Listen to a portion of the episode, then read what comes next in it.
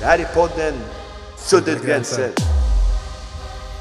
Yes! Det här är podden Sudda gränser med Dog Doglito och Patrik Asplund kallas 19. Yes, och idag sitter vi i ett eh, ganska spännande konferensrum och vi ska göra en intervju eh, på Svenska Freds faktiskt. Precis. Med den fantastiska författaren Linda Åkerström som har skrivit eh, boken Den svenska vapenexporten. Och eh, jag tänker att jag är helt taggad alltså på massa fredsfrågor och krigsfrågor och alla möjliga typer av frågor. Och jag tänker att vi kör igång på en gång och eh, ger en applåd nästan till eh, Linda. Wey! Hej! Det är lite stort att få vara här, känns som. Det var- Hur känns det? Ja, men det känns bra. Känns bra? Okej. Schysst, vi börjar lite lätt sådär. Precis. Vem är du Linda? Berätta lite. Jag jobbar som nedrustningsansvarig på Svenska Freds, Svenska Freds och skiljedomsföreningen. Det betyder att jag är ansvarig för allting som handlar om vapen på den här fredsorganisationen i princip. Absolut, eh, framförallt svensk vapenexport. Okej, hur, går, hur går jobbet till om man säger så? Att jag gör allt jag kan för att eh, försöka förändra svensk vapenexportpolitik i princip. Och det handlar om att här, sprida information, samarbeta med konstnärer, författare ibland, journalister ibland, försöka få fram information, skriva, debattera, också vara lobbyist, prata med politiker, försöka övertyga dem om att de borde driva en annan politik. Allt, allt vi kan eh, försöker vi göra. Berätta storyn om Svenska Freds. Jag tror inte så många vet om att ni finns liksom. Eller jag visst, jag har nog hört namnet någonstans. Men jag visste liksom inte att ni hade ett kontor och ni fanns till och sådär. Och man skulle gärna vilja höra storyn bakom. Ja, men det är, många frågar så här, varför heter ni Svenska Freds och skiljedomsföreningen? Och så är det som att jag älskar att få den frågan, för då kan jag säga att vi har funnits sedan 1883 och är världens äldsta fredsorganisation som Wow. fortfarande existerar, ska sägas. Men ehm, eh, våran grundare, KP Arnoldsson, eh, han grundade Svenska Freds för att ehm, när, eh, på den tiden, liksom i slutet på Ja. 1800-talet, då fanns en stor debatt om hur man skulle göra med unionsupplösningen mellan Sverige och Norge. Och då var det många som ville liksom lösa den konflikten eller så här, med militärt våld. Att man ville skulle rusta för att försöka liksom, eh, hantera den konflikten militärt. Och då tyckte han och flera andra parlamentariker då, från olika partier eh, att man skulle lösa den genom skiljedom. Att Man skulle liksom sätta sig ner och komma fram till en lösning i princip. Och då bildade de Svenska Freds och skiljedomsföreningen. Så hans, liksom, Svenska Freds första uppdrag var unionsupplösningen mellan Sverige och Norge. Och det fick han Nobels fredspris för. Hur- ser, hur ser ehm, svensk vapenexport ut idag kontra, eh, kontra 20 år tillbaka? Sverige exporterade vapen då också. Um, Bofors första kanonorder kom faktiskt första, samma år som Svenska Freds bildades, 1883. Så det har hållit på under väldigt lång tid. Men eh, sedan slutet av 1990-talet, början av 2000-talet så har exporten ökat mångdubblats. Eh, så vapenexporten i, idag är ungefär tre gånger så stor som den var i början av 2000-talet. Det hänger väldigt mycket ihop med att man öppnade hela Mellanöstern och Nordafrika för export under den tiden. Ehm, och det handlade om att gå liksom, industrin till mötes för att de skulle få möjlighet att exportera. Hur många svenska bolag exporterar vapen egentligen? Oj, jag vet att det är Ungefär? ungefär, det är, det är väldigt många som har tillstånd att exportera Ja. vapen. Och det är det, liksom, den officiella siffran som vi kan få. Ja. Men det finns ju ett fåtal stora som står för liksom, merparten av exporten. Ja. Och det är liksom, eh, Saab, hela Ja. Saabs alla olika delar. Eh, Bofors, BAE Systems Bofors, Mm. BAE Systems Hägglunds. Det är liksom de tre stora Ja. i Sverige. Och sen finns det Aimpoint, Nammo, eh, lite mindre liksom, eh, företag som också exporterar. Sen finns det en rad, liksom, eh, många, många små företag och också myndigheter som också exporterar. Vart går de här leveranserna och hur ser spridningen ut på svenska vapen? Ehm, ja, till en eh, väldigt stor mängd länder. Ehm, förra året, eh, vi exporter, Sverige exporterade till 60-tal olika länder i världen. Ehm, ja, över hela världen i princip. Och det finns ju regler som, eh, som begränsar lite vilka tillstånd man kan få. Jag tror den största mottagaren förra året var Brasilien.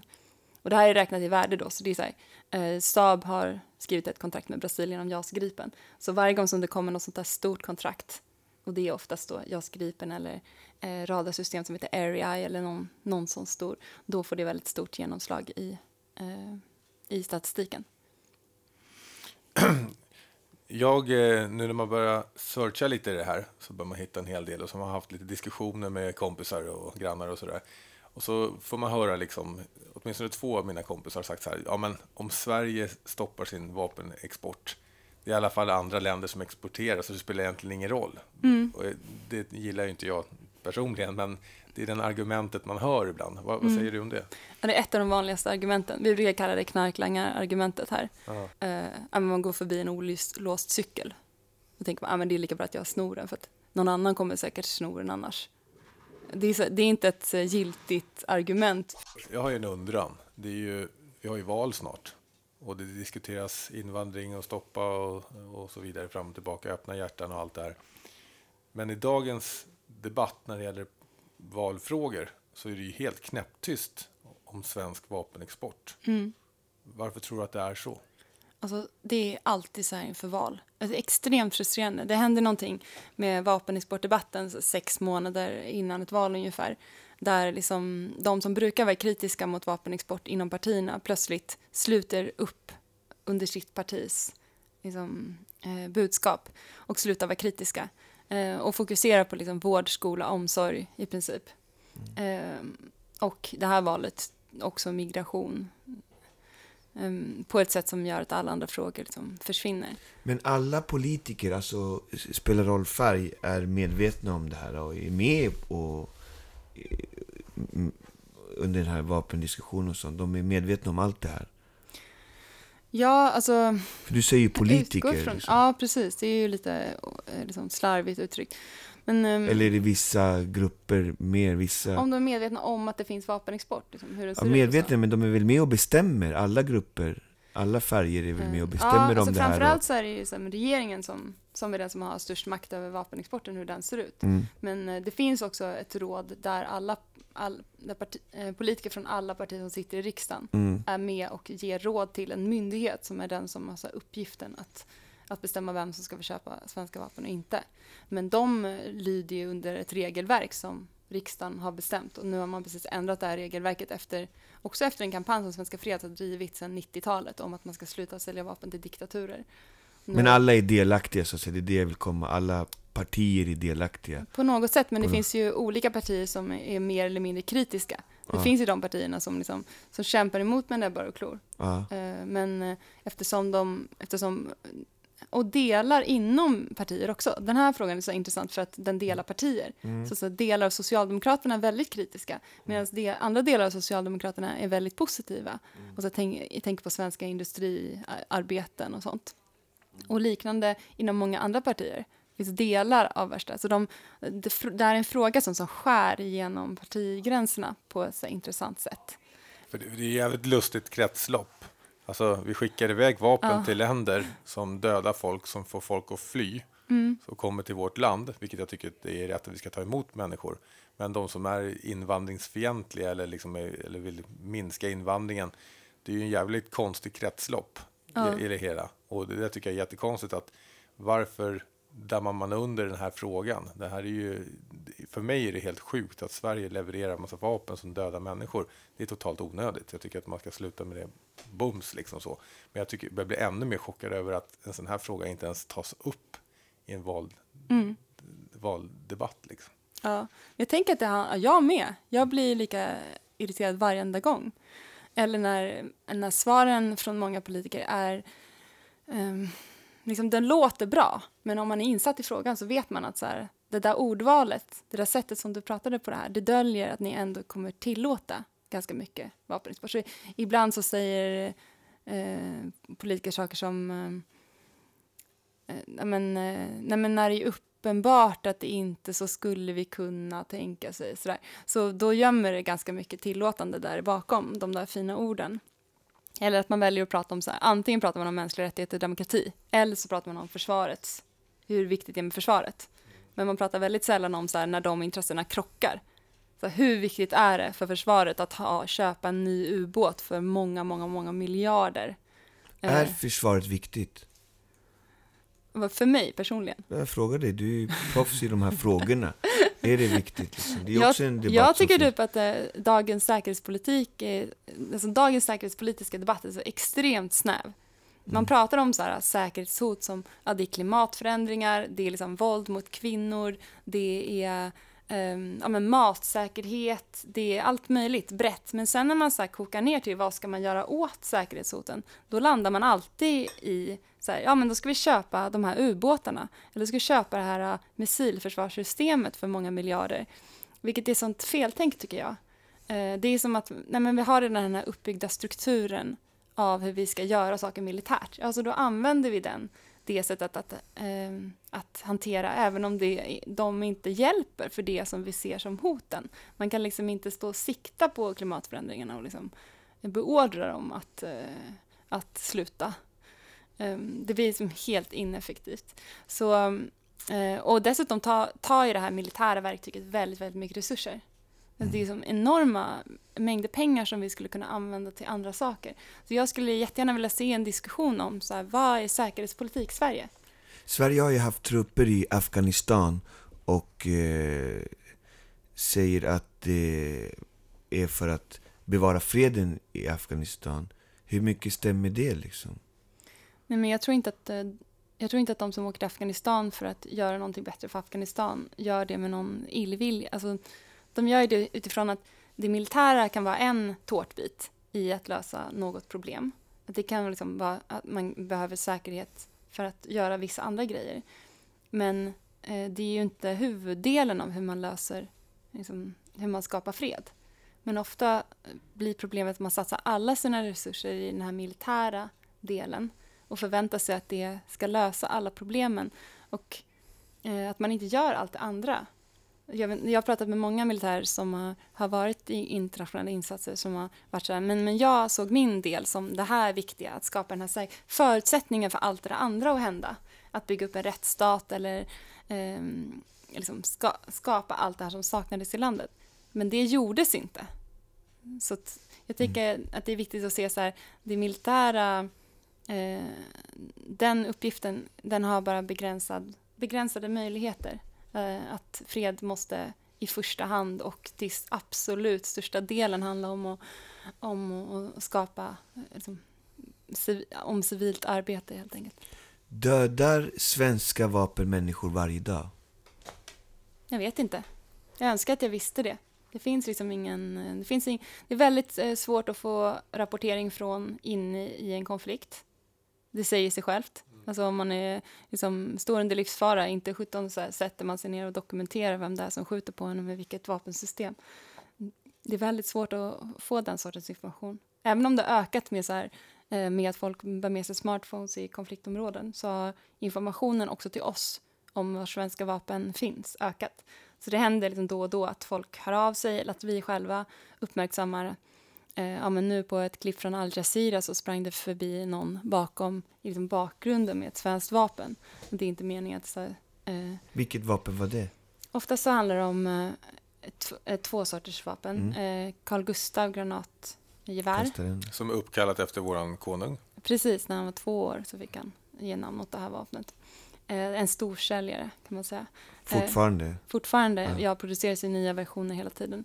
Eh, också används av den amerikanska armén i mycket stor omfattning.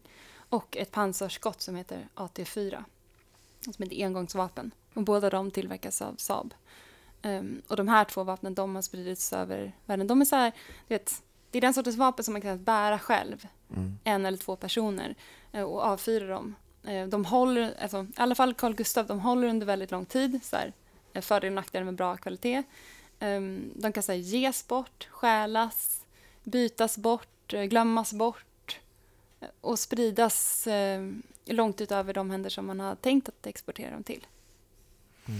Lite fråga, lite nyfiken på dig som person. Eh, kan du berätta lite vem du är? Och sen vill jag jättegärna att du presenterar din bok. Ja, eh, åh gud. jag mm, eh, kom in till Svenska Freds som praktikant. Jag pluggade Då hade jag ingen aning om någonting om vapenexport. Jag hade aldrig hört talas om att Sverige överhuvudtaget exporterar vapen. Så, så här, den här känslan av så här, lust att göra någonting kombinerat med, med så här, eh, ilska så, skapa en viss sorts kreativitet som jag tror hela vårt kontor liksom, eh, drivs av. Eh, att vara så här förbannad och vilja göra någonting. Eh, så den drabbades jag av och började engagera mig i Svenska Freds. Och hur länge sedan var det? Det här var 2006 och så fick, började jobba med försvars och säkerhetspolitiska frågor här. Så jag jobbar på annan organisation emellan. Men jag jobbar heltid med eh, vapenexportfrågor sedan 2012. Och eh, du har skrivit en bok. Ja, jag har skrivit en bok som heter Den svenska vapenexporten som kom ut på Leopard förlag i december 2016. Som, eh, det är liksom den boken som vi önskade att vi hade. Mm. Um, vi får väldigt mycket frågor till Svenska Freds hela tiden. Um, men sådana här frågor som vi har pratat om idag. Um, vem är det som gör vad? Vem är det som bestämmer? Vad är det som gäller? Uh, varför är det så här? Hur kommer det sig att det var så här? Vad är det som exporteras? Vart? Och så vidare. så såg vi att det saknades. Vad handlar boken om egentligen? Mm. Boken handlar så här om um, hur funkar det? Liksom, var, det är många som, som jag tänker, eh, ni också kom in här med någon tanke om så här, men varför finns den här?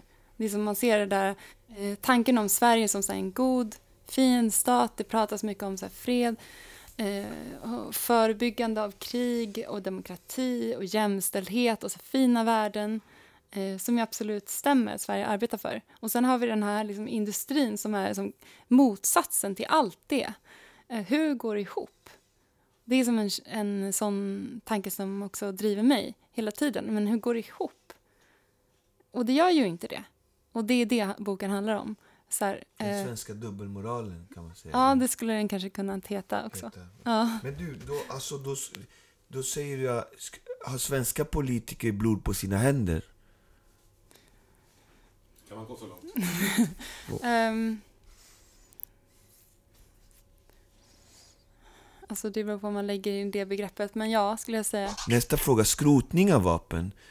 Skrotar vi några vapen? Jag vet att K, gamla k-pisten skrotades till exempel. Men skrota vapen, det gör man massa olika anledningar. Ja. Eh, för att de blir gamla eller för att man inte har någon att sälja dem till eller eh, för att de blir förbjudna till exempel. Mm. Men också tänker jag att det finns en eh, ett grundläggande problem, mm. det är att liksom, om man tänker så här ekonomiska termer, tillgång och efterfrågan. Uh. Det här är en industri som, där det finns en tillgång som är mycket, mycket större än efterfrågan. Så det finns en in, stor industri som är helt liksom, oproportionerlig till vilket behov som finns i Sverige att köpa vapen. Den svenska försvarsmakten behöver liksom en bråkdel av de vapen som, som Saab och andra vapenföretag vill och behöver producera för att liksom tjäna de pengarna som de vill ha för att gå runt och kunna utvecklas. Det är liksom grundproblemet. Mm. Det finns ett glapp mellan tillgång och efterfrågan. Och eftersom staten ändå vill ha kvar den här industrin, mm. de ser den liksom, till den milda grad vill de ha kvar den, att de är beredda att fylla upp det här glappet. Och det är det här glappet som man har bestämt sig. Ja, vad är lösningen på det här problemet? Ja, men det är att vi tillåter att de säljer vapen till andra länder.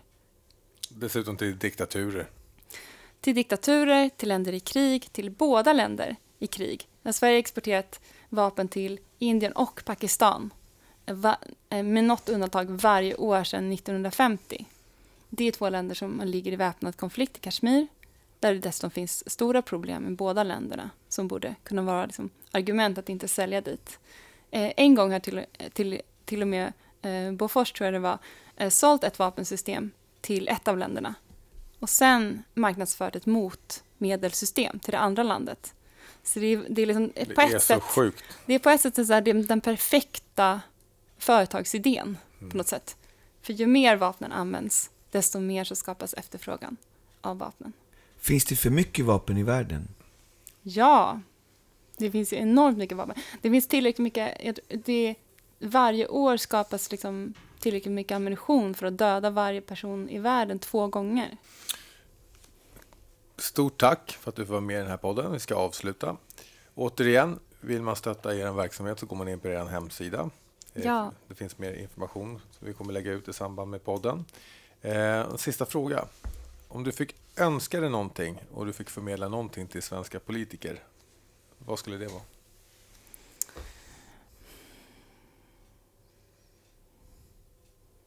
vad som helst. Ja. ja men tänker på, vad skulle du, om du fick chansen att prata med partiordföranden i samtliga partier, vad skulle ditt budskap vara till dem? Nej, men jag skulle önska dem att sätta sig i... Som om de var, om de var eh, flykting. Vi har ju nyligen allihop fått den här liksom, broschyren om kriget eller krisen kommer. Så här, vad ska vi göra då? Vi ska bunkra konserver, vi ska liksom frysa in vatten. Varför Eh, tror du vi har fått den överhuvudtaget? Ja, lång historia. Men eh, jag tänker så här, nej men om krisen eller kriget kommer, om, om vi var de som flydde från kriget eller krisen just idag, hur skulle, hur skulle vi vilja bli mottagna? Hur skulle vi vilja, hur skulle vi önska att det såg ut för oss? Jag tänker att, att det, har tapp, det, det perspektivet har tappats bort. Att vi har tappat bort liksom tanken om så här, att det är människor som flyr. Mm. Istället ser vi, så pratar man ofta om så här migrationsströmmar, flyktingströmmar som ett säkerhetshot mot Sverige, mot svenskarna. Nej, men det är de som är utsatta för det största säkerhetshotet av alla. De flyr för sina liv över helt livsfarliga vägar över, över hela världen. Jag tänker det skulle jag vilja att de gjorde. Ta så fem minuters tankeexperiment och låtsas att det är du och sen och gör om. Stort tack Linda. Tack. Tack själva. Tack så mycket. Eh, Jag och Dogge, vi släpper en låt i samband med det här som heter Made in Sweden. Yes. Handlar om en liten flicka som leker i sanden. Hon hittade en svensk mina som ser ut Precis. som en snusdosa. Precis. Stort tack och lycka till. Fortsätt Och med skaffa Linda Åkerströms bok Den svenska vapenexporten. Glöm inte bort det. Var upplyst. Gör det nu. Precis. Det är det att vara svensk, att vara upplyst. Gå in på Svenska Freds hemsida och sök mer information och gör något. Swisha i ilska. Det här, det är podden Sudda gränser med Doggelito och 19. tack för oss. Boom!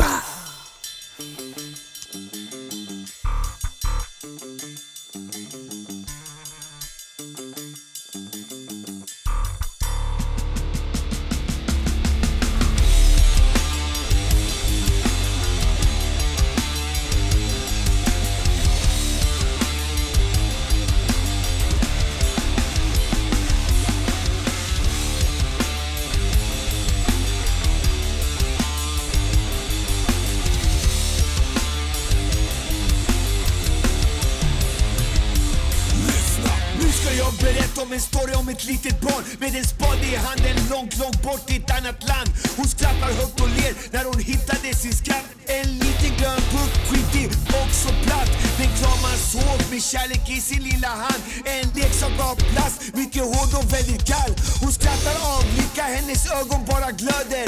När hon visar skatten för sina systrar och bröder. Boom! En explosion, hälsning. Svea rikes nation snackar vitt och brett om att vara neutral med den ena handen ger och den andra som tar. Boom! En explosion, likvidation, en mord i tårar, frustration, tappar ton, där barnen dör. Dör dör